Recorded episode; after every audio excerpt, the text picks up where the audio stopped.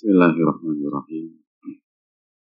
الحمد لله رب العالمين وبه نستعين على أمور الدنيا والدين. والصلاة والسلام على أشرف الأنبياء والمرسلين وعلى آله وصحبه ومن سار على نهجه بإحسان إلى يوم الدين وبعد. اللهم إنا نسألك علما نافعا ونعوذ بك من علم لا ينفع. Hadirin Allah muliakan, Alhamdulillah kita panjatkan puji dan syukur kita kepada Rabbul Alamin atas segala nikmat dan karunia yang Allah berikan dan Allah limpahkan kepada kita. Nikmat yang tidak bisa kita hitung satu demi satu. Nikmat yang senantiasa mengiringi kehidupan kita di mana bumi itu dipijak di sana ada nikmat Allah Subhanahu wa taala. Dan di mana langit itu dijunjung, di sana pun ada nikmat Allah Subhanahu wa taala. Dan nikmat terbesar adalah nikmat ilmu nafi. Nikmat yang membuat kita bahagia di dunia maupun di akhirat. Sesulit apa pun ujian kehidupan kita. Karena yang membuat kita bertahan itu bukan berat atau ringannya ujian atau besar kecilnya musibah. Tapi yang membuat kita bertahan, kita bersabar, bahkan kita bisa tersenyum di tengah puing-puing musibah adalah al-ilmu nafi. Bukan Allah berfirman dalam surat Al-Kahfi ayat 68, "Wa kaifa tasbiru ala ma lam tuhit bihi khubra?" Bagaimana Anda bisa sabar? Bagaimana Anda bisa bertahan? Bagaimana Anda bisa menahan? Sedangkan anda tidak tahu ilmu dari perkara yang Anda hadapi. Jadi ketika kita nggak tahu ilmunya, di situlah awal kita tidak bisa sabar. Dan begitu kita tidak bisa sabar, maka yang ada adalah kegagalan dan kekalahan. Karena Nabi kita alaihi salatu wassalam menyampaikan, wa inna nasra ma'as sabar sesungguhnya kemenangan itu selalu bersama kesabaran. Jadi kemenangan, berhasilan menyelesaikan sebuah ujian, sebuah kasus, itu tuh selalu bersama kesabaran hadirin. Nah begitu kita nggak sabar, maka lawannya kemenangan adalah kegagalan. Sesimpel itu aja. Dan itu yang menjadi uh, masalah. Maka uh, nikmat ilmu itu adalah nikmat yang harus di, diperjuangkan. Dan sebagaimana yang kita tahu bahwa uh, manusia dengan amanat itu nggak bisa dipisahkan. Karena langit sudah nyerah hadirin. Nggak berani dia nyerah. Ditawarin amanat sama Allah, langit nggak berani ngambil. Bumi pun nggak berani.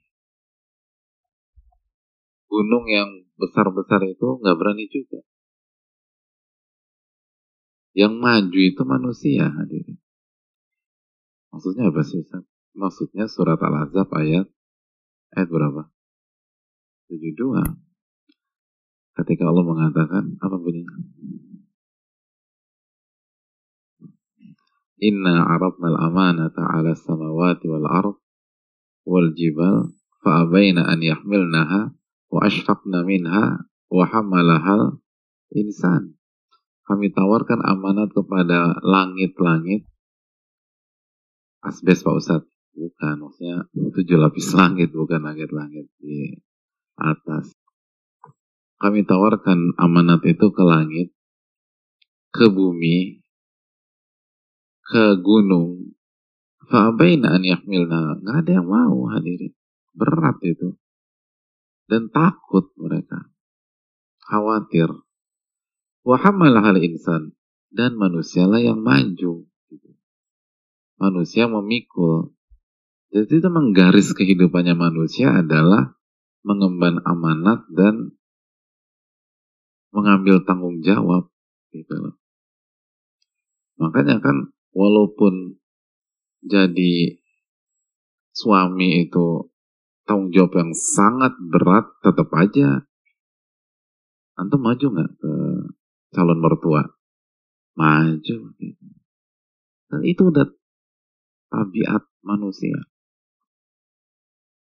Kita tahu bahwa semakin banyak uang semakin banyak pertanyaan di hari kiamat. Tapi tetap nggak kalau kerja nyari salary yang paling tinggi ya itu manusia udah begitu. Dan itu nggak salah asal ah itu tadi. Ada asalnya itu loh tapi manusia begitu. Atau nggak usah uang lah ilmu deh ilmu. Kita terus berusaha belajar ilmu. Padahal wa an ilmihi madza amila bih. Di hari kiamat kita akan tanya dengan tentang ilmu kita dan apa yang kita udah amalin dari ilmu tersebut tapi kan cara berpikirnya bukan resign dari kajian, bukan. Tapi jawabannya ada di makna penutupan ayat tersebut ketika Allah mengatakan innahu kana zoluman jahula manusia itu zolimnya minta ampun dan bodohnya luar biasa. Sehingga kuncinya adalah bagaimana kita punya ilmu dan adil dalam menjalani setiap tanggung jawab gitu loh. Jadi benar-benar nih ilmu nafi kebutuhan hadirin. Karena kalau kita nggak tahu ilmunya, aduh berantakan kita. Karena itu tadi, setiap kita di sini nggak bisa lepas dari sebuah tanggung jawab, sebuah amanat, dan sebuah ujian. Jadi ujian amanat tanggung jawab itu itu menu sehari-hari kita. Pertanyaannya ilmu itu menu sehari-hari kita atau bukan? Jadi kalau men, ilmu itu ternyata menu bulanan, sebulan sekali doang ngajinya, atau menu triwulanan, jadi ada orang ngaji per tiga bulan sekali, ya kan jomplang hadirin. Di satu sisi masalah setiap hari, di satu sisi senjatanya diasah setiap tiga bulan sekali, ya berantakan. Ilmunya tiga bulan sekali, masalahnya setiap hari. Harusnya kan idealnya paralel gitu loh. Yang satu setiap hari, yang satu juga kalau bisa setiap hari. Dan ada dan dosis kan nggak harus banyak-banyak. Gitu loh kata para ulama kan uh, sedikit demi sedikit ilmu tersebut. Tapi harus rutin. Dan itulah kenikmatan terbesar di dalam kehidupan. Al ilmu nafi. Itu ada kenikmatan. Namun kan banyak kita uh, kita kita ini sering kali nggak ngerti kehidupan. Jadi yang kita butuhkan apa yang kita kejar apa dalam hidup tuh hadirin? Gitu kan gitu ya. Kita kejar apa yang kita butuhkan apa. Nggak nggak sinkron kadang-kadang tuh. Ada orang tuh benar-benar ngejar uang terus. Padahal kalau dia nggak dapat uang hari ini secara matematik sampai 20 tahun ke depan dia masih hidup dengan nyaman gitu. Karena tabungannya banyak gitu. Jadi kalau dia nggak dapat duit nih hari ini itu tabungannya masih cukup 20 tahun lagi gitu. Tapi tetap nyari akhirnya nggak sempat ngaji, nggak sempat sholat. Yang kalau dia nggak sholat hari ini berantakan hari kiamat dia. Dan gak usah tunggu hari kiamat, hari ini berantakan. Karena inna sholat tanha anil fasya wal mungkar. Sesungguhnya sholat itu mencegah dari perbuatan keji dan mungkar.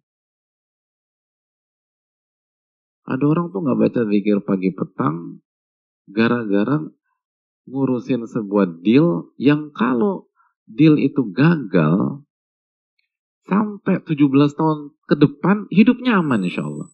Secara matematika, uh, cash flow misalnya. Karena duitnya udah banyak. Kan. Kalau dihitung tuh cukup sampai 17 tahun ke depan. Tapi dia langsung baru salam sholat subuh ke kanan. Belum salam ke kiri. Udah ngeliat gadget. Bayangkan. Salam ke kirinya lupa dia. Untung sah gitu kan. Rukunnya ke kanan aja. Terus langsung fokus tuh hadirin. Akhirnya nggak baca zikir pada sholat. Nggak baca zikir pagi. Untuk mengejar sesuatu yang kalau nggak dapat sekalipun itu tadi berbelasan tahun ke depan insya Allah masih aman dia. Tapi kalau dia nggak baca zikir pagi hari itu berantakan. Sebagaimana dijelaskan para ulama seperti Syekh Abdul Karim Al Khudair bahwa zikir pagi petang itu game changer dalam keseharian kita. Oh, itu nentuin tuh hadir. Ya iyalah nentukan orang kita berdoa dan Allah berfirman ud'uni Astajib lakum, minta kepadaku, aku kabulkan. Dan di antara zikir pagi petaka, Allahumma asbahna wa asbahal mulku lillahi rabbil alamin. Allahumma ini as'aluka khaira hadzal yawm fatahu wa nasrahu wa nurahu wa barakatahu wa hudah. A'udzu bika min syarri ma fi wa syarri ma ba'da. Bayangkan kita minta, ya Allah berikanlah aku kebaikan di hari ini. Kebaikan. Khairu hadzal yawm fatahu. Ya Allah hari ini tuh tolong bukakan kebaikan-kebaikan di hari ini. Keberkahannya tuh tolong dibukakan ya Allah. Fathah. Ya kan pasti beda hadir. Itu baru satu doa. Kemenangan di hari ini tolong kasih. Minta kemenangan kita di hari itu. Kalau kita baca zikir pagi. Minta kemenangan. Minta pertolongan. Jadi ini yang perlu kita camkan lah. Harus kita ya. Kita jadi yang paling penting itu kata para ulama sebagaimana bisa dicek dalam kitab Madarijus Salikin kalau mau jadi baik nih kita pengen jadi baik gue tuh pengen jadi baik lah bang gitu loh. Yang pertama kali itu apa kata para ulama? Aliyaqadhah nah itu. Sadar dulu nah itu. Sadar. Sadar kita. Kita harus sadar apa yang kita butuhkan. Kita harus sadar bahwa kenikmatan terbesar adalah ilmu nafi. Kita harus sadar bahwa tauhid itu adalah modal hidup, nah gitu. Dan untuk bisa bertauhid kita harus belajar. Kita harus sadar, nah, sadar ini penting sebelum yang lain. Dan benar. Jadi yang pertama tuh bukan kecerdasan dan kejeniusan. Tapi sadar dulu. Karena mau pinter, mau cerdas kayak apa tuh kalau nggak sadar kan repot. Antum adu adu cerdas cermat lawan antum IQ-nya 180 gitu. Tapi pingsan, kan antum yang menang gitu. Tenang aja. Dia nggak sadar. Gitu, dia pingsan. Jadi mau cerdas apa pun kalau nggak sadar mah percuma lah. Atau dia mabok gitu loh. Nggak usah khawatir walaupun IQ-nya 185, tenang aja lah. Tenang, dia nggak sadar. Jadi sadar itu penting. Kan setelah taufik Allah, sadar itu yang membuat kita melangkahkan kaki kita ke masjid. Sadar dulu. Kalau nggak sadar mau, mau ilmu sebanyak apa pun juga percuma lah hadirin. Makanya kata para ulama sadar itu penting. Itu langkah pertama kalau mau jadi baik. Sadar. Oh iya ya. Umur udah segini nih. Ini bekal apa? Sadar kita banyak dosa. Sadar itu. Gitu. Sadar kita butuh. Ah, banyak orang tuh gak sadar bahwa dirinya yang butuh. Bukan Allah yang butuh. Allah tuh as-samad hadirin. Kita baca itu tiap hari. Tapi sadar nggak kita apa yang kita baca? Ah itu sadar lagi. Surat favorit sih Al-Ikhlas gitu loh. Ya karena memang terpaksa juga hadirin gitu loh. Al-Baqarah berat, Ali Imran juga nggak hafal. Ya udahlah surat favorit Al-Ikhlas. Tapi kandungan Al-Ikhlas itu nggak di nggak disadari. Hidupnya kayak dibutuhin. Padahal hidup itu kita tuh harus jadi orang yang butuh gitu. antumul fuqara'u ilallah, kalian tuh fakir, butuh sama Allah. Jadi ini penting. Kalau nggak sadar berat lah. Mau kita pinter kayak apa pun nggak ada gunanya. Sadar dulu. Nah ini kita datang ke sini nih sadar. Sama kita datang ke sini kan, kita sadar bahwa tadi ilmu nafi itu penting. Kenapa kita datang? Karena kita tahu ilmu nafi itu kata para ulama kuncinya itu ta'zimul ilm. Memuliakan ilmu. Dan kalau kita bicara memuliakan, datang langsung lebih memuliakan ilmu dibanding tidak datang gitu. Mendatang langsung lebih memuliakan ilmu daripada ikut di rumah aja. Kecuali ada uzur syar'i. Nah ini kita harus sadar dulu. Kita harus sadar kalau kita datang ke rumah Allah setiap langkah itu pahala. Sadar. Setiap langkah itu menggugurkan dosa. Itu. Terus sadar. Kalau nggak berat. Kita nggak bisa bicara banyak kalau kita nggak sadar. Itu yang perlu kita uh. Jadi uh, langkah pertama itu harus sadar. Maka ini yang kita harus kita sadar bahwa ilmu nafi itu itulah yang kita butuhkan dalam hidup. Ilmu yang melahirkan keimanan, amal soleh. Ilmu yang melahirkan uh, karakter. Kata Al-Hafidh Ibnu Hajar, Soral Fikus Sajiyah. Ilmu yang menjadi karakter seseorang. Ilmu yang membuat kita menjadi uh, bertransformasi menjadi lebih baik, lebih baik dan terus lebih baik. Ilmu menjadi uh, memberikan perubahan. Itu yang perlu kita cari. Maka bersyukurlah kepada Allah Subhanahu wa taala. Makanya sekali lagi saya ulangi terus bahwa Al-Imam Abu Hanifah itu mengatakan innama adraktul ilma bilhamdillah wa syukr sesungguhnya itu aku dapat ilmu yang bermanfaat itu karena banyak memuji Allah dan bersyukur kepada Allah. Makanya kita harus banyak-banyak bersyukur hadirin. Bisa di, dikasih taufik sama Allah sehingga kita ngumpul di sini itu mahal hadirin. Oh mahal.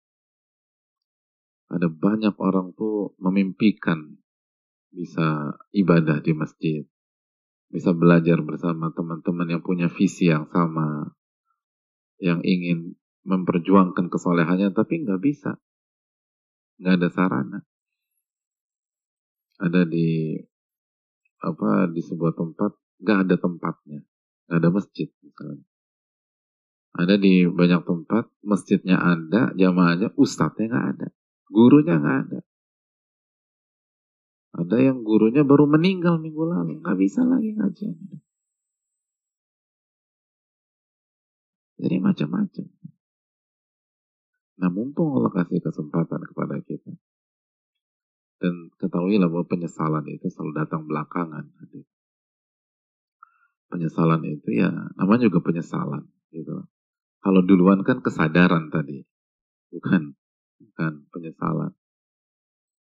Jadi Semoga Allah memberikan taufik kepada kita untuk bisa menyadari hal ini dan bisa mensyukuri. Sehingga benar-benar ilmu kita menjadi ilmu yang bermanfaat. Karena yang paling mahal itu ilmu yang bermanfaat. Sebagaimana yang disampaikan Imam Syafi'i rahimahullah, innamal ilmu manafa' wa laysa ma Ilmu itu yang bermanfaat bukan yang sebatas dihafal Walaupun hafalan penting dan kita nggak boleh remehkan hafalan. Fakullu hafidhin imam. Gitu. Dan setiap uh, orang yang hafalannya kuat maka ia akan jadi imam. Gitu. Itu kata para ulama. Dan menghafal itu salah satu bentuk memuliakan ilmu. Itu juga. Tapi belum nggak titik sampai di sana kita harus merubah hafalan kita menjadi kenyataan nah itu penting gitu. merubah hafalan kita menjadi kenyataan. Menjadi kenyataan. Hadirin. Nah itu yang susah. Dan itu yang harus membuat kita memuliakan. Semakin kita memuliakan ilmu, semakin Allah kasih taufik untuk mengolah hafalan menjadi kenyataan. Jadi bukan hanya hafalan aja. Kalau hafalan kan enak, eh, lebih inilah. Hafal ayat kursi, hafal. Coba baca. Allahu la ilaha illa wal hayyul qayyum. La ta'khudhuhu sinatu wala naum. La ta'khudhuhu sinatu wala naum. Hafal kita. Allah itu nggak diserang ngantuk dan juga nggak tidur. Nah, tapi kan yang susah adalah bagaimana menjadikan hafalan ayat kursi kita benar-benar jadi kenyataan dalam sikap dan perilaku kita. Bahwa pada saat kita bicara itu nggak nyablak tuh hadir. Kenapa? Ya, saya dilihat sama Allah. Tidur kali? Oh enggak, saya hafal ayat kursi. Itu. Kata Allah, La ta'khudhuhu sinatu wa. Oh. Berarti Allah dengar. Oh dengar. Ngantuk kali. Ah, la ta'khudhuhu sinah itu. Gak mungkin ngantuk. Itu kan yang susah jamaah. Kalau hafal mah penting. Tapi belum selesai. PR berikutnya lagi itu. Nah itu itu yang menjadi ilmu. Kalau kita udah bisa wujudkan itu, maka itu jadi ilmu yang bermanfaat. Hafal hadis tentang dua rakaat salat sunnah subuh nggak? Hafal. Rakaat al-fajri khairun minad dunia wa ma fiha. Dua rakaat salat qabliyah subuh lebih baik daripada dunia dan sisinya. Nah, tapi gimana mewujudkan itu hadis jadi kenyataan di setiap pagi itu itu yang susah. Itu PR berikutnya. Nah, caranya itu muliakanlah ilmu hadirin dengan segala aspeknya yang dijelaskan oleh para ulama. Begitu. Itu hadirin. Oleh karena itu semoga Allah memberikan ilmu nafi bagi kita. Hadirin salawat dan salam semoga senantiasa tercurahkan kepada junjungan kita Nabi kita Muhammadin alaihi salatu wassalam beserta para keluarga, para sahabat dan orang-orang yang istiqomah berjalan di bawah naungan sunnah beliau sampai hari kiamat kelak.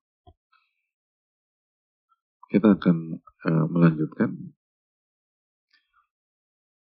Eh, mohon dibaca bersama uh, Ibnu Jama Al-Kinani al-Syafi'i rahimahullahu taala dalam kitab Taqriratus Sami wal Mutakallim fi Adabil Alim wal Muta'allim. Atasi. Qala musannif Bismillahirrahmanirrahim. الحمد لله رب العالمين والصلاة والسلام على رسول الله وعلى آله وأصحابه أجمعين. اللهم اغفر لنا ولوالدينا ولأساتذتنا ولمشايخهم وللحاضرين ولجميع المسلمين أجمعين. قال العلامة القاضي بدر الدين أبو عبد الله محمد بن إبراهيم بن جماعة الكناني الشافعي رحمه الله تعالى. التاسع أن يطهر باطنه وظاهره من الأخلاق الرديئة ويعمره بالأخلاق المرضية. فمن الأخلاق الرديئة الغل والحسد والبغي والغضب لغير الله تعالى والغش والكبر والرياء والعجب والسمعة والبخل والخبث والبطر.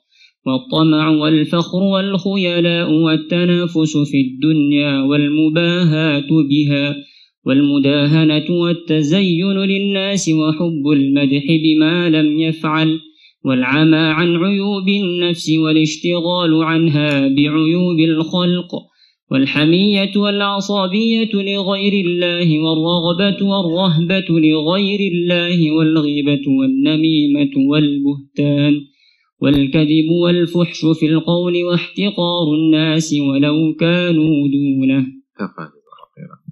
بسم الله الحمد لله والصلاة والسلام على بعد قال المصنف رحمه الله التاسع أن يطهر باطنه وظاهره من الأخلاق الردية ويأمره بالأخلاق الرضية uh, adab yang kesembilan adalah membersihkan batin dan zohir kita dari akhlak-akhlak yang buruk dan mengisinya dengan akhlak-akhlak yang diridhoi oleh Allah Subhanahu wa taala. Dan kemarin kita sudah jelaskan hadirin bahwa yang pertama kali itu bersihkanlah wadah ilmu, itu maksudnya. Karena segala hal, khususnya hal-hal yang mulia, hal-hal yang bernilai, hal-hal yang tinggi, hal-hal yang mewah, itu harus punya tempat yang bersih, higienis, tepat, proper, dan seterusnya. Dan ketika apa namanya ketika kita ingin mengejar dan memilikinya, kita harus berpikir minimum dua hal. Yang pertama, bagaimana mendapatkannya, dan yang kedua, kalau dapat, bagaimana menempatkannya. Tempatnya di mana nih gitu Selalu demikian. Kita mau beli mobil, kita berpikir gimana caranya beli itu mobil. Lalu setelah saya dapatkan, tuh mobil diparkir di mana? Tuh mobil di ditaruh di mana? Mau beli motor gitu loh. Kita ingin beli motor besar. Nah ada nggak garasinya gitu? Dan sampai kontrakan kita sama motor gedean, motornya repot gitu Jadi selalu berpikir demikian. Nah, semua semua seperti itu. Apalagi ilmu. Ilmu itu ada tempatnya.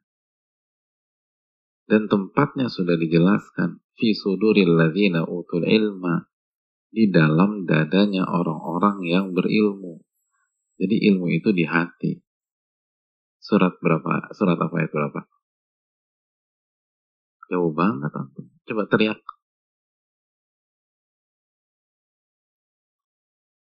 Hah? Oh, oke. Okay. Gitu. Jazakallah khairan. Jadi, jazakallah khairan. Jadi ilmu itu di dalam dadanya orang-orang yang berilmu. Di dalam hati maka PR PR kita adalah bagaimana bersihkan hati kita dari akhlak yang buruk. Dan itu yang dikatakan Ibnu Jamal rahimahullah lalu isi dengan akhlak yang mulia. Sehingga ketika ilmu itu berhasil kita dapatkan dari misalnya kalau belajar fikih bab koharo lalu nanti terus gitu ya. Itu tempatnya udah ada tuh hadirin. Udah siap, udah uh, higienis gitu, udah bersih, enak udah. Jangan sampai begitu ilmu yang mahal, indah, mulia dan mewah ini kita dapatkan tempatnya kotor. Tempatnya kotor. Kita punya Eh, rumah makan makanannya enak tapi kotor. Begitu tamunya datang, bersin-bersin, akhirnya keluar lagi cari restoran lain. Tempat itu penting, selalu berpikir demikian. Ini kaidah kehidupan. Jangan main asal ngejar aja, jangan main asal beli, jangan main asal uh, meraih, tapi nggak ada tempatnya. Nggak ada tempatnya. Dan tempat itu penting. Tempat itu penting. Dan memang kita butuh waktu untuk tempat itu. Jangan main-main. Hadirin pernah ke taman safari nggak? Gak pernah. Hmm. Taman safari itu taman, taman safari. Oke. Okay. Pernah sampai yang paling atas taman safari itu? Nah. Pernah? Gak pernah. Jadi ke taman safarinya ke mana? Paling atas tuh ada apa? Gitu? Paling atas. Ya Allah, nggak pernah ke taman safari. Paling atas tuh dihuni apa? Hah? Mainlah ke sana hadirin. Sowan lah, sowan.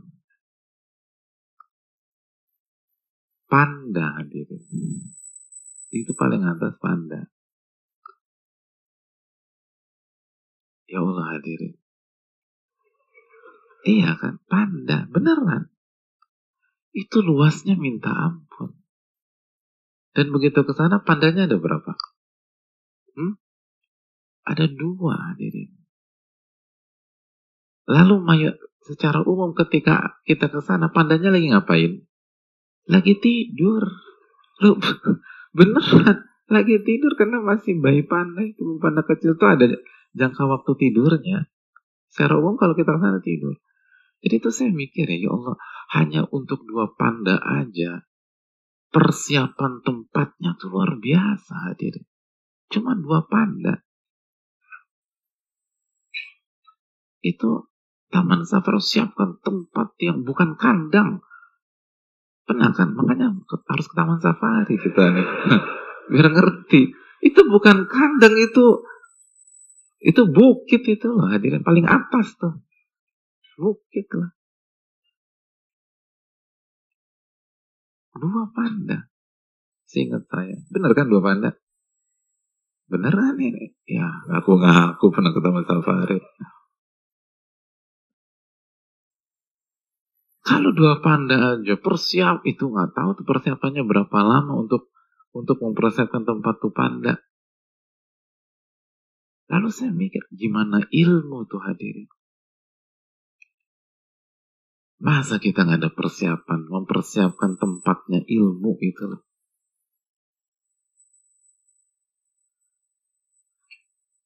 Yang kalau ayat Quran itu diturunkan ke gunung tuh la ra'aitahu khashi'an mutasaddian min khasyatillah.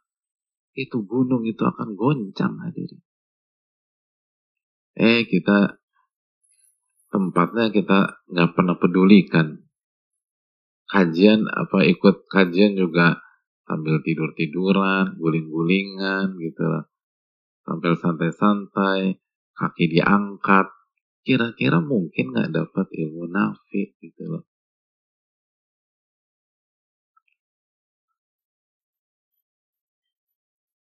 itu hal yang perlu kita camkan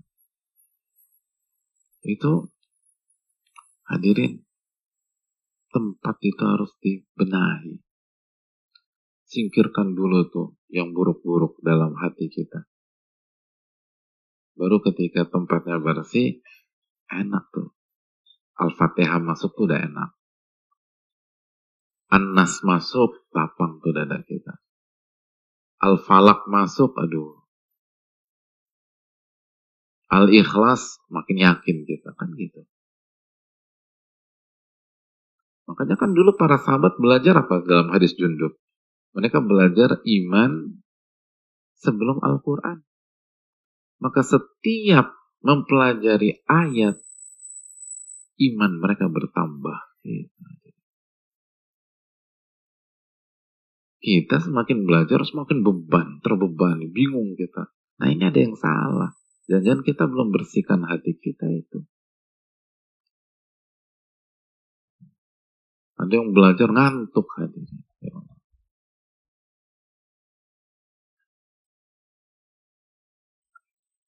Kalau apa kalau nggak pakai AC gerah soalnya Pak Ustaz gerah. Kalau ada AC kedinginan Pak Ustaz. Jadi serba salah. Yang benar yang mana sih hadirin? Yang benar kalau kita bersihkan hati kita. Lalu kita masukan itu penting. Ini hal penting. Makanya itu yang perlu kita contoh. Nah di antara kotoran hati yang harus kita hilangkan nah, disebutkan sama Ibnu Jamal rahimahullah. Yang pertama itu al-gil. Gitu. Al-gil. Nah itu, itu harus dihilangkan. Kalau mau ilmunya ilmu bermanfaat. Nah ini. Kalau kita pengen ilmu kita ilmu nafi, di antara kotoran hati yang harus kita buang, al-gil. Nah, itu al-gil. Ilmu nafi adalah sebuah kebutuhan. Ilmu yang bermanfaat itu sebuah kebutuhan. Dan ilmu yang bermanfaat tidak mungkin diraih kecuali dengan ta'zimul ilm, memuliakan ilmu. Dan di antara memuliakan ilmu adalah kita memberikan perhatian ke tempatnya ilmu dengan membersihkan dengan takhliyah dengan membersihkan tempatnya ilmu yaitu hati dari noda dan kotoran-kotoran hati dan di antara kotoran hati yang harus kita bersihkan adalah al-gil sebagaimana dijelaskan oleh Ibnu Jama'ah Al-Kinani Asy-Syafi'i rahimahullahu taala. Dan uh, gil adalah atau dijelaskan oleh uh, para ulama uh, artinya al-adawah al-muta'assilah al-mutaghalgilah fil qalbi uh, permusuhan yang uh, menancap dan uh, bergelora di dalam hati gitu. yang meletup-letup di dalam hati dan e, permusuhan ini itu karena rasa benci terhadap pihak tersebut. Tusahibuha ragbatun fin nafsi lilintiqam. Lalu kebencian itu ketemu dengan keinginan nafsu kita untuk membalas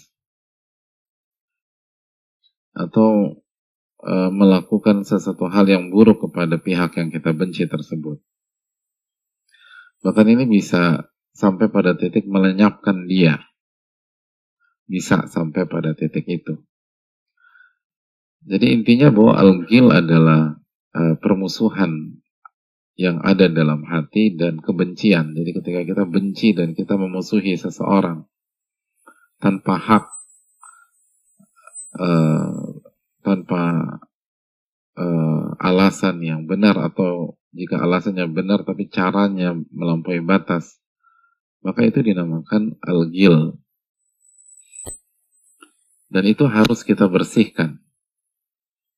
Jadi kalau ilmu kita atau kalau kita berharap ilmu kita bermanfaat bahwa kita harus bersihkan sifat ini dari hati kita sifat permusuhan, kebencian kepada orang karena urusan dunia. Kalau tidak ilmu kita nggak bermanfaat Dan itu akan pengaruh ke mana-mana. Ingat loh, kalau ilmu kita nggak bermanfaat, ini akan pengaruh ke sholat, ke puasa, ke zikir, ke kekhusyuan, dan lain sebagainya. Dan itu terbukti kalau kita lagi, kalau kita punya musuh dan kita benci sama dia, itu sholat nggak khusyuk. Ya. Itu zikir lupa. Jadi itu real kita rasakan bersama-sama.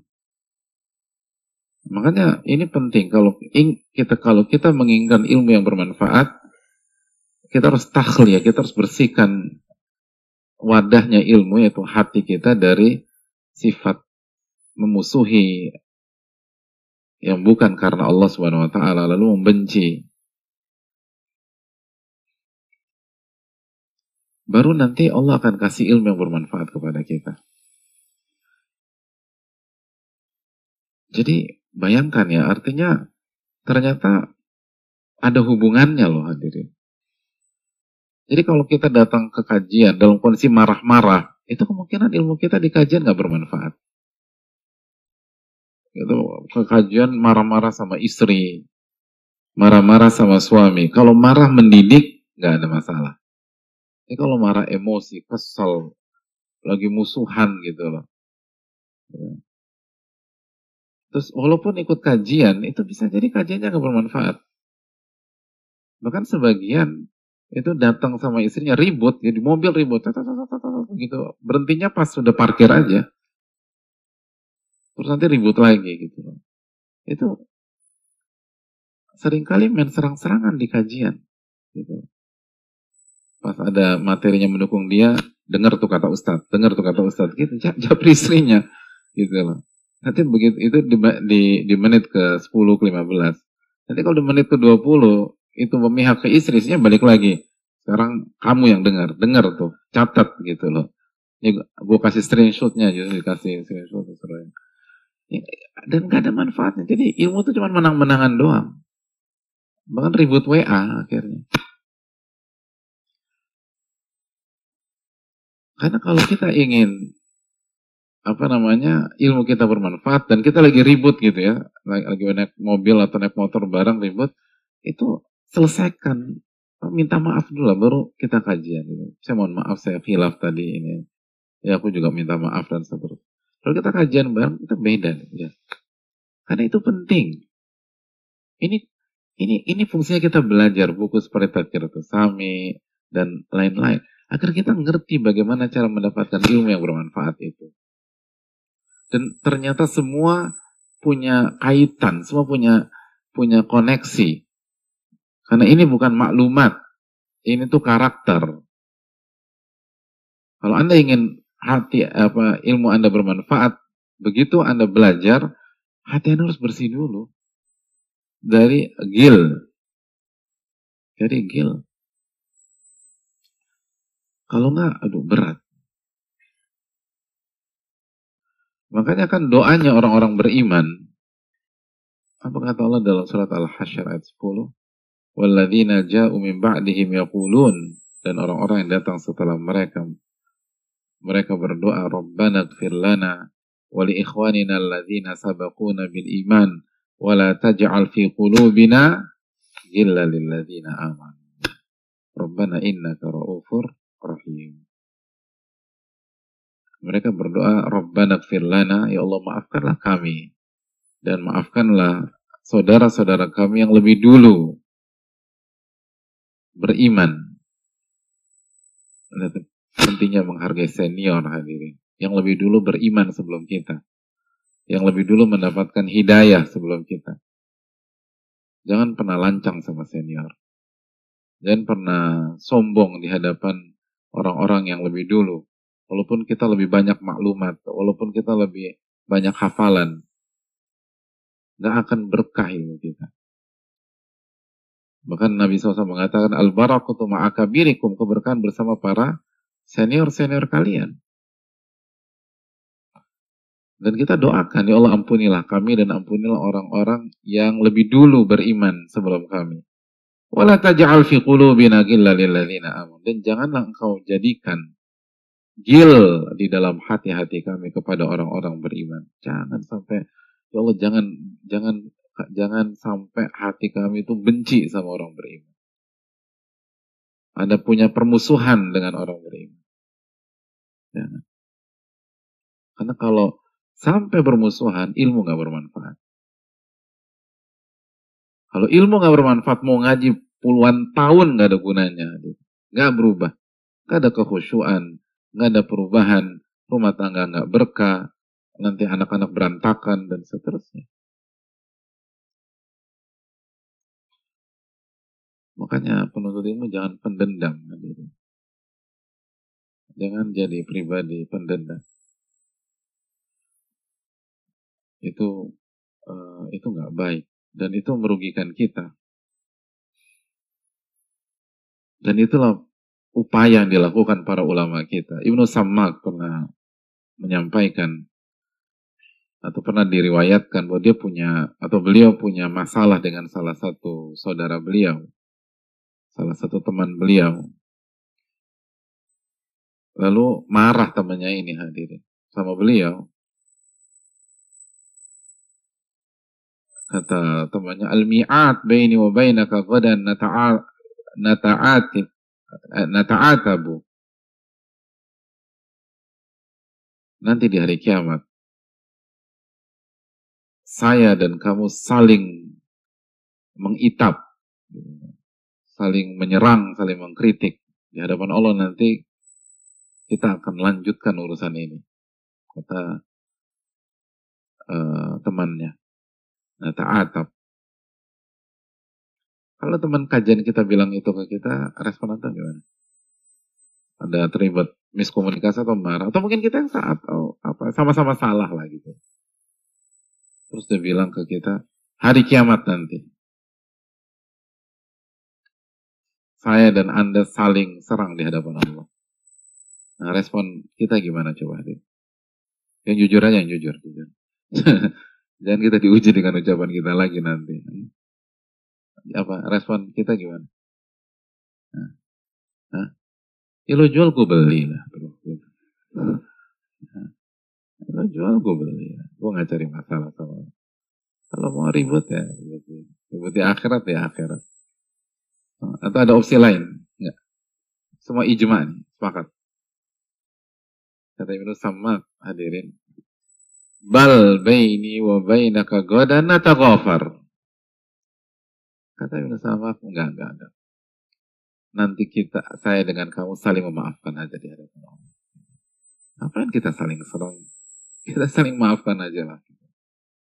Jadi lihat para ulama berusaha menghilangkan gil di dalam hati mereka. Nggak, nggak mau masuk ke ke jebakan dan provokasi seperti itu. Padahal mungkin benar. Biasanya kan kalau ada ada keributan di antara kita tuh jarang ada yang satu benar semua dan sal satunya lagi salah semua. Biasanya udah sama-sama punya apa sisi benar, sama-sama punya sisi salah. Udah kita saling memaafkan. Karena mereka ingin ilmu mereka bermanfaat. Ketika ada seorang uh, penguasa menyampaikan kepada uh, sultannya ulama, ulama Madhab Syafi'i besar. Siapa sultannya ulama?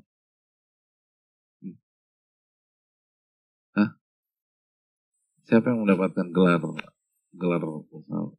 Hah? Hah? Siapa?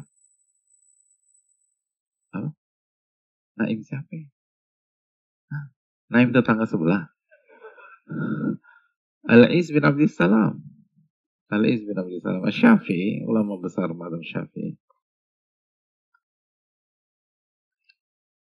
Ternyata Al-Malik ini minta maaf kepada kepada Al-Iz bin Abdul Salam.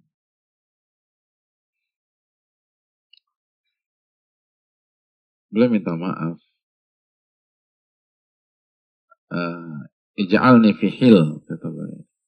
Tolong maafkanlah. Mungkin buat salah biasa. Fajabul iz qailan. Lalu direspon sama Al-Iz bin Abdul Salam.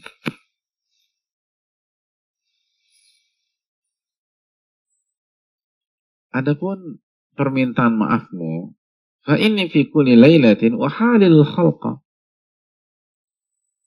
Aku tuh setiap malam, aku halalkan semua orang yang zolim sama aku. Subhanallah. Nggak usah minta maaf. Setiap malam itu, saya sudah halalkan orang yang jahat sama saya. Saya sudah maafkan. Saya sudah halalkan. Wa abitu wa laysa ahadin.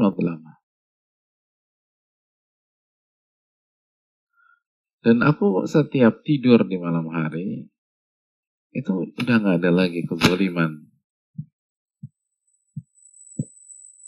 Atau aku tidur tuh selalu merasa nggak pernah dizolimi sama orang. Udah saya udah halalkan.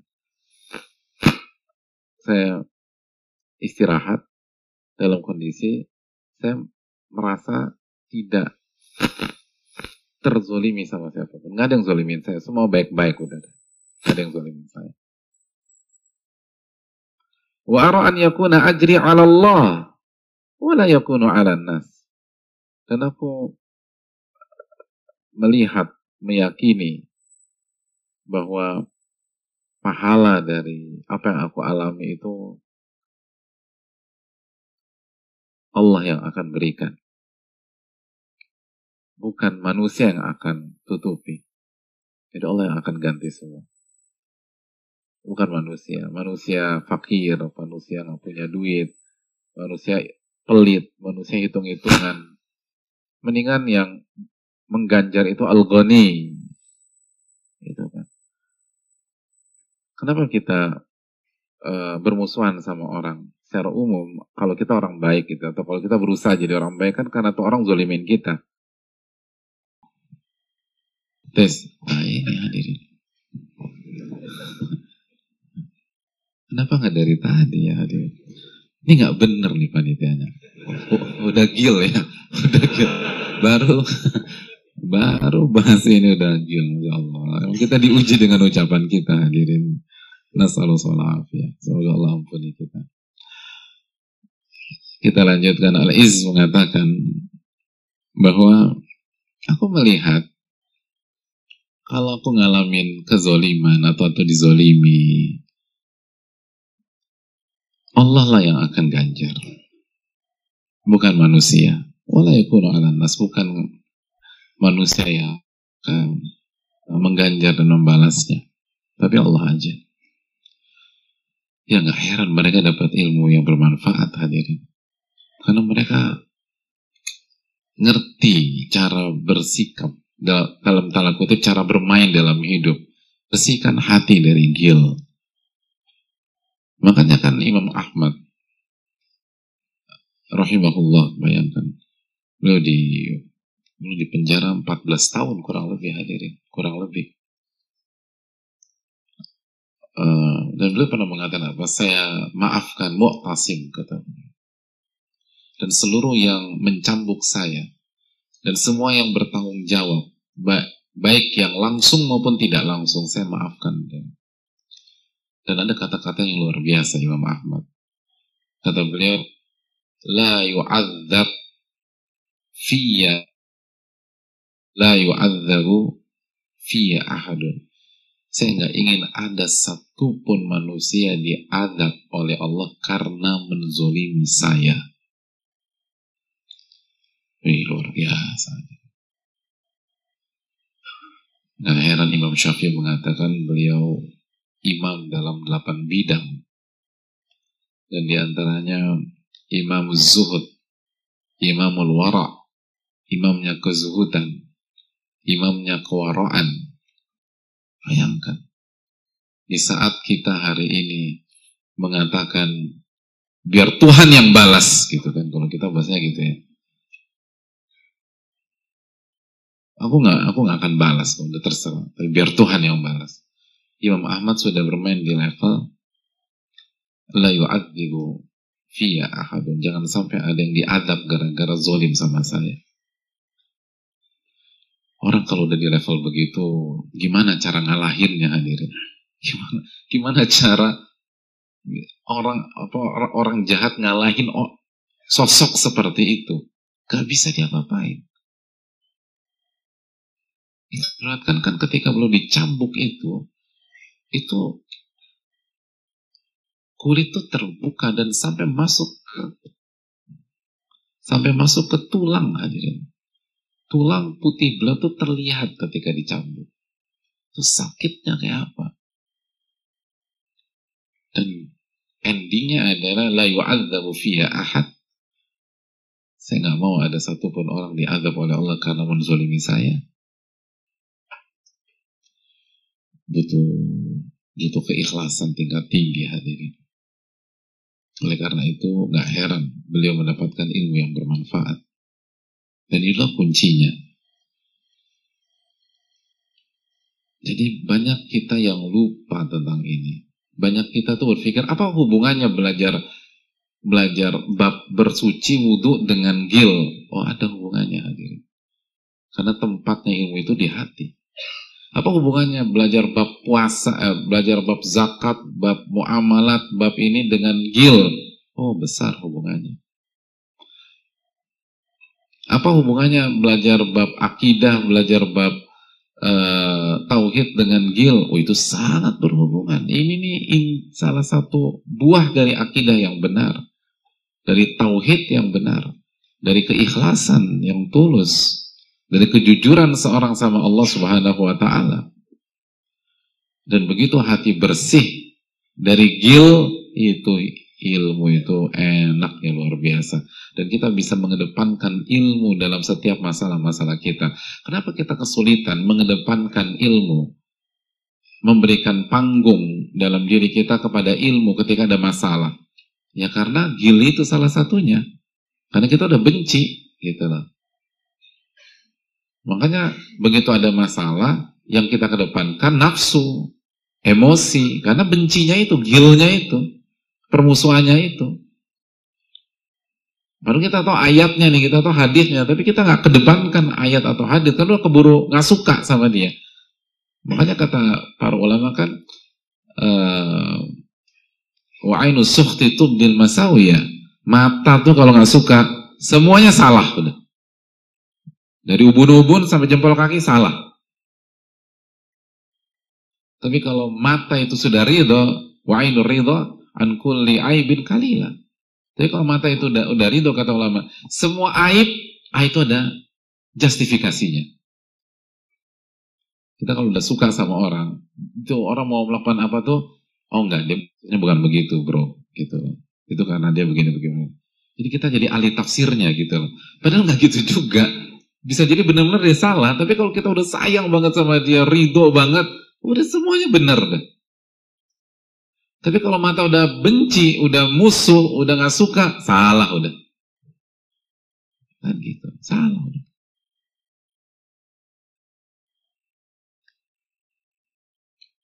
Ketemu dia nggak negor, nggak salam, udah masalah.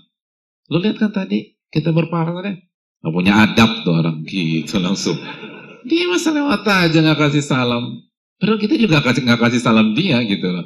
Ya lu kenapa kasih salam? Ya dia duluan dong. Kan kita duduk dia jalan gitu loh. Besoknya ketemu lagi. Dia senyum, dia kasih salam. Lu jangan percaya sama dia. Pencitraan gitu. Wah, semua salah udah. Itu kalau udah kesel, udah musuh udah, udah gak ada udah. Itu itu lihat para ulama yang matang cara Wa inu sukhti, mata tuh kalau nggak suka, semua salah udah. Antum mau ngapain salah udah. Makanya kan kata itu jangan jangan ingin jangan punya punya apa punya keinginan diterima oleh semua makhluk nggak bisa. Orang tuh kalau udah nggak suka sama antum, semua yang antum lakukan salah. Mendingan cari wajah Allah subhanahu wa taala, cari ridho Allah. Makanya kan kata Imam Syafi'i, ridho nas goyatun tudrok. Cari ridho seluruh manusia. Itu impian yang mustahil. Mustahil, nggak mungkin. Oh Nabi SAW yang paling mulia akhlaknya aja nggak bisa membuat ridho seluruh manusia. Ya apalagi kita. Kata sebagian orang seperti Ibnu Hazm rahimahullah, Wong Allah aja dicela sama manusia. Lalu Anda ingin selamat dari celaan manusia? Itu akal sehat Anda ke mana? Allah saja ada yang celah kok. Ada kita kita dengar. Mana keadilan Allah kalau begini gitu. Oh, dicela Allah Subhanahu wa taala. Oleh karena itu sekali lagi ini yang perlu kita camkan bersama-sama. Jadi bersihkan hati kita dari gil. Kalau kita ingin ilmu kita bermanfaat. Dan latih dari hari ini bersihkan jangan jangan membenci orang jangan bermusuhan kedepankan memaafkan makanya hadirin sekalian Allah muliakan apa kata Allah Subhanahu Wa Taala ketika Allah menjelaskan tentang nikmat yang Allah berikan kepada Rasulullah SAW kata Allah Subhanahu Wa Taala dalam ayat surat yang antum sudah hafal Insya Allah mayoritas di sini hafal lah surat tersebut surat apa kira-kira yang mayoritas antum hafal Al-Baqarah atau Al-Imran Al-Insyirah Alam nashrah laka sadrak itu. Bukankah alam nashrah bukankah kami telah lapangkan dada Anda? Lapangan dada itu penting hadirin. Itu lapang dada itu kunci hidup tuh hadirin. Lapang dada itu penting. Itu modal besar kata para ulama. Itu modal besar dada tuh udah lapang enak aja nggak gampang terprovokasi nggak ini nggak itu jadi itu bersih dari gil gitu tadi nggak sempit gitu Allah taala bisawab ini yang bisa disampaikan. Kita buka sesi tanya jawab. Wassalamualaikum ala nabiyina Muhammad wa ala alihi wa ajma'in. Ada pertanyaan? Assalamualaikum warahmatullahi wabarakatuh. Waalaikumsalam warahmatullahi wabarakatuh. Bismillah, semoga Allah merahmati dan memberkahi Ustaz dan keluarga. Amin ya rabbal alamin. Dan Semoga Allah merahmati Ibnu Jamaah dan seluruh para ulama-ulama kita dan jangan pernah lupakan doa kita kepada para ulama kita karena la yashkurullah man nas tidak bersyukur kepada Allah.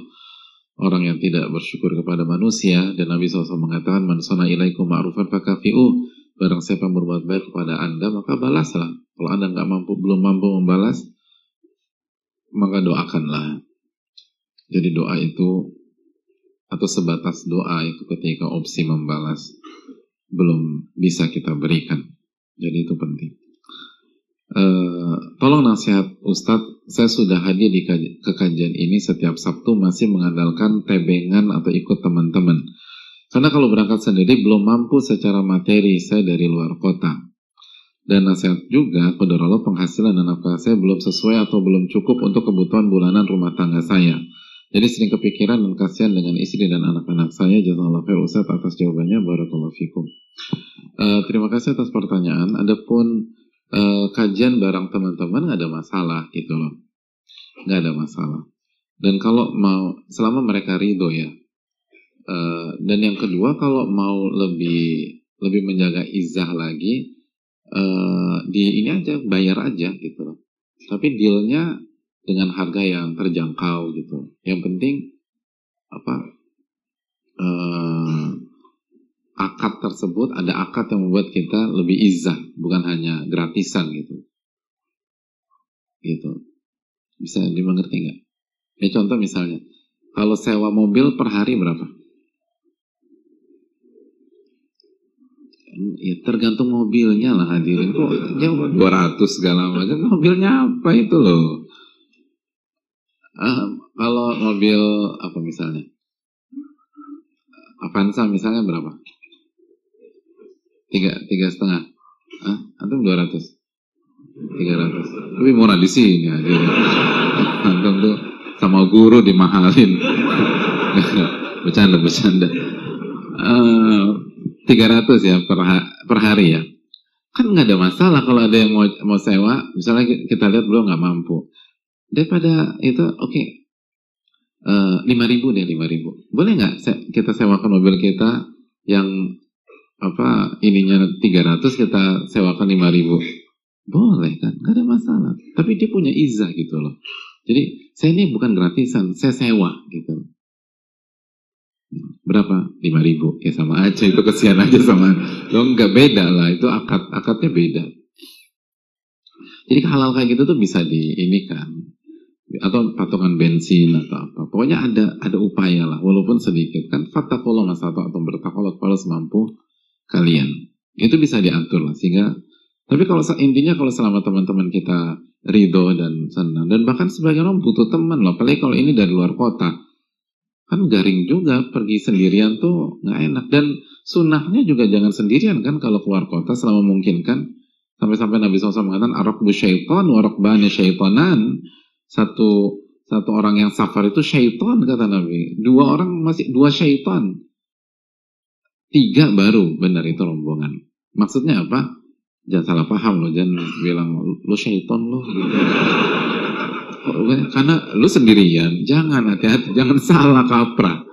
Maksudnya kalau safar sendirian rentan banget digoda sama syaiton itu. Dan bisa jadi yang awalnya nggak kepikiran akhirnya kepancing karena provokasinya jago. Dua orang itu masih bisa saling mempengaruhi. Tapi kalau tiga atau lebih, ah itu udah kuat. Apalagi orang-orang baik dan orang soleh. Jadi sekali lagi itu yang perlu kita uh, camkan. Jadi memang sunnah gitu, kebutuhan.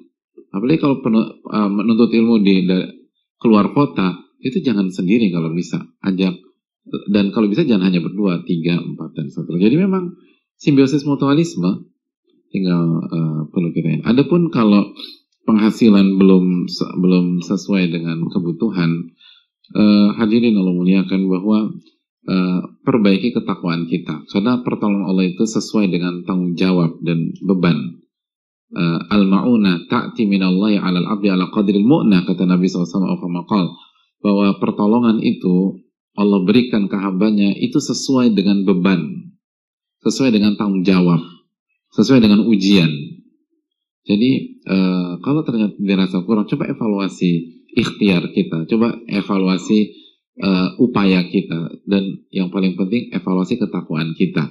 Karena Allah berfirman dalam surat At-Talaq ayat 2 dan 3, "Wa man yattaqillah yaj'al lahu makhraja wa yarzuqhu min haitsu la yahtasib." Barang siapa yang bertakwa kepada Allah, Allah akan berikan jalan keluar dan rizki dari arah yang tidak ia duga-duga. Allah taala bisawab. Uh, Bismillah, semoga Ustadz dan keluarga para jamaah dan umat muslim uh, dirahmati oleh Allah. Amin ya rabbal alamin. Uh, jangan lupa mengucapkan salam karena dalam riwayat assalam qabla soal salam sebelum uh, bertanya. Lalu yang kedua jangan lupa doakan Ibnu Jamaah dan para ulama kita yang telah memberikan ilmunya kepada kita dan itu salah satu rasa syukur kita kepada ulama-ulama kita. Apa Ustaz saya mau bertanya bagaimana cara terus memupuk semangat dalam kajian yang di mana semua teman saya uh, sudah tidak kajian lagi semenjak menikah. Dan saya saya kajian sendiri. Kadang saya sedih karena teman terus sedih berganti. Apakah itu juga cobaan Allah dalam memilih memilihkan saya teman? Jazakallahu? Iya, itu salah satu uh, ujian dari Allah Subhanahu wa taala. Dan ini sebuah kesalahan hadirin. Menikah itu nggak mudah, itu mithaqun ghalidha, itu ikatan yang sangat kuat dan butuh perjuangan. Dan uh, uh, pernikahan justru harus membuat kita semakin semangat belajar dan beramal. Karena ujiannya tuh beda tanggung jawabnya beda. Warrajul ra'in. Dan dan seorang laki-laki adalah pemimpin dalam dalam rumah tangga. Dia akan ditanya sebelum menikah dia akan dia ditanya tentang dirinya. Setelah menikah dia akan ditanya tentang istri dan anak-anak. Begitu juga dengan wanita. Wal, wal mar'atu ra'iyatun an baiti zaujiha wa waladi dan wanita adalah pemimpin dan akan ditanya tentang urusan rumah dan anak-anak sebelum dia menikah dia akan ditanya tentang dirinya sendiri tapi begitu dia sudah menikah, dia akan ditanya tentang urusan rumah dan anak-anak. Artinya bahwa beban ini semakin besar. Kalau beban semakin besar, harusnya ilmu semakin harus semakin diperhatikan, bukan semakin menghilang. Itu itu bahaya. Jadi itu sama saja uh, anak gunung lalu uh, biasa naik gunung persiapan lalu sekarang milih gunung yang jauh lebih tinggi jauh lebih berat dan tanpa persiapan sama sekali. Itu sama saja mem membahayakan diri dia. Ini ini hal yang nggak mudah. Hal yang sangat uh, tidak mudah. Dan syaitan akan berusaha mem mem membuat pasangan itu bercerai sebagaimana hadits muslim. Oleh karena itu justru seharusnya semakin atau ketika kita menikah kita semakin semangat belajar, semakin minta pertolongan kepada Allah, semakin takut kepada Allah, semakin rajin sujud, semakin rajin ruku karena kita tahu bahwa uh, peta berubah dan ujian semakin banyak dan semakin berat. Maka kalau ujian semakin berat, maka persiapan harus semakin semakin matang. Semakin semakin matang. Dan adapun uh, justru menghilang maka uh, itu sebuah kesalahan fatal dan itu salah satu indikasi kita belum siap menikah gitu. Hobi sibuk itu resiko gitu. Kalau anda mau ambil itu harus siap konsekuensi. Ilmu itu harus dijaga secara rutin dan itu bahaya besar buat keutuhan uh, di dunia maupun di di akhirat. Ini yang bisa disampaikan. Jazakallahu khair semoga bermanfaat. Subhanakallahumma wa ilaha ilaik. Assalamualaikum warahmatullahi wabarakatuh.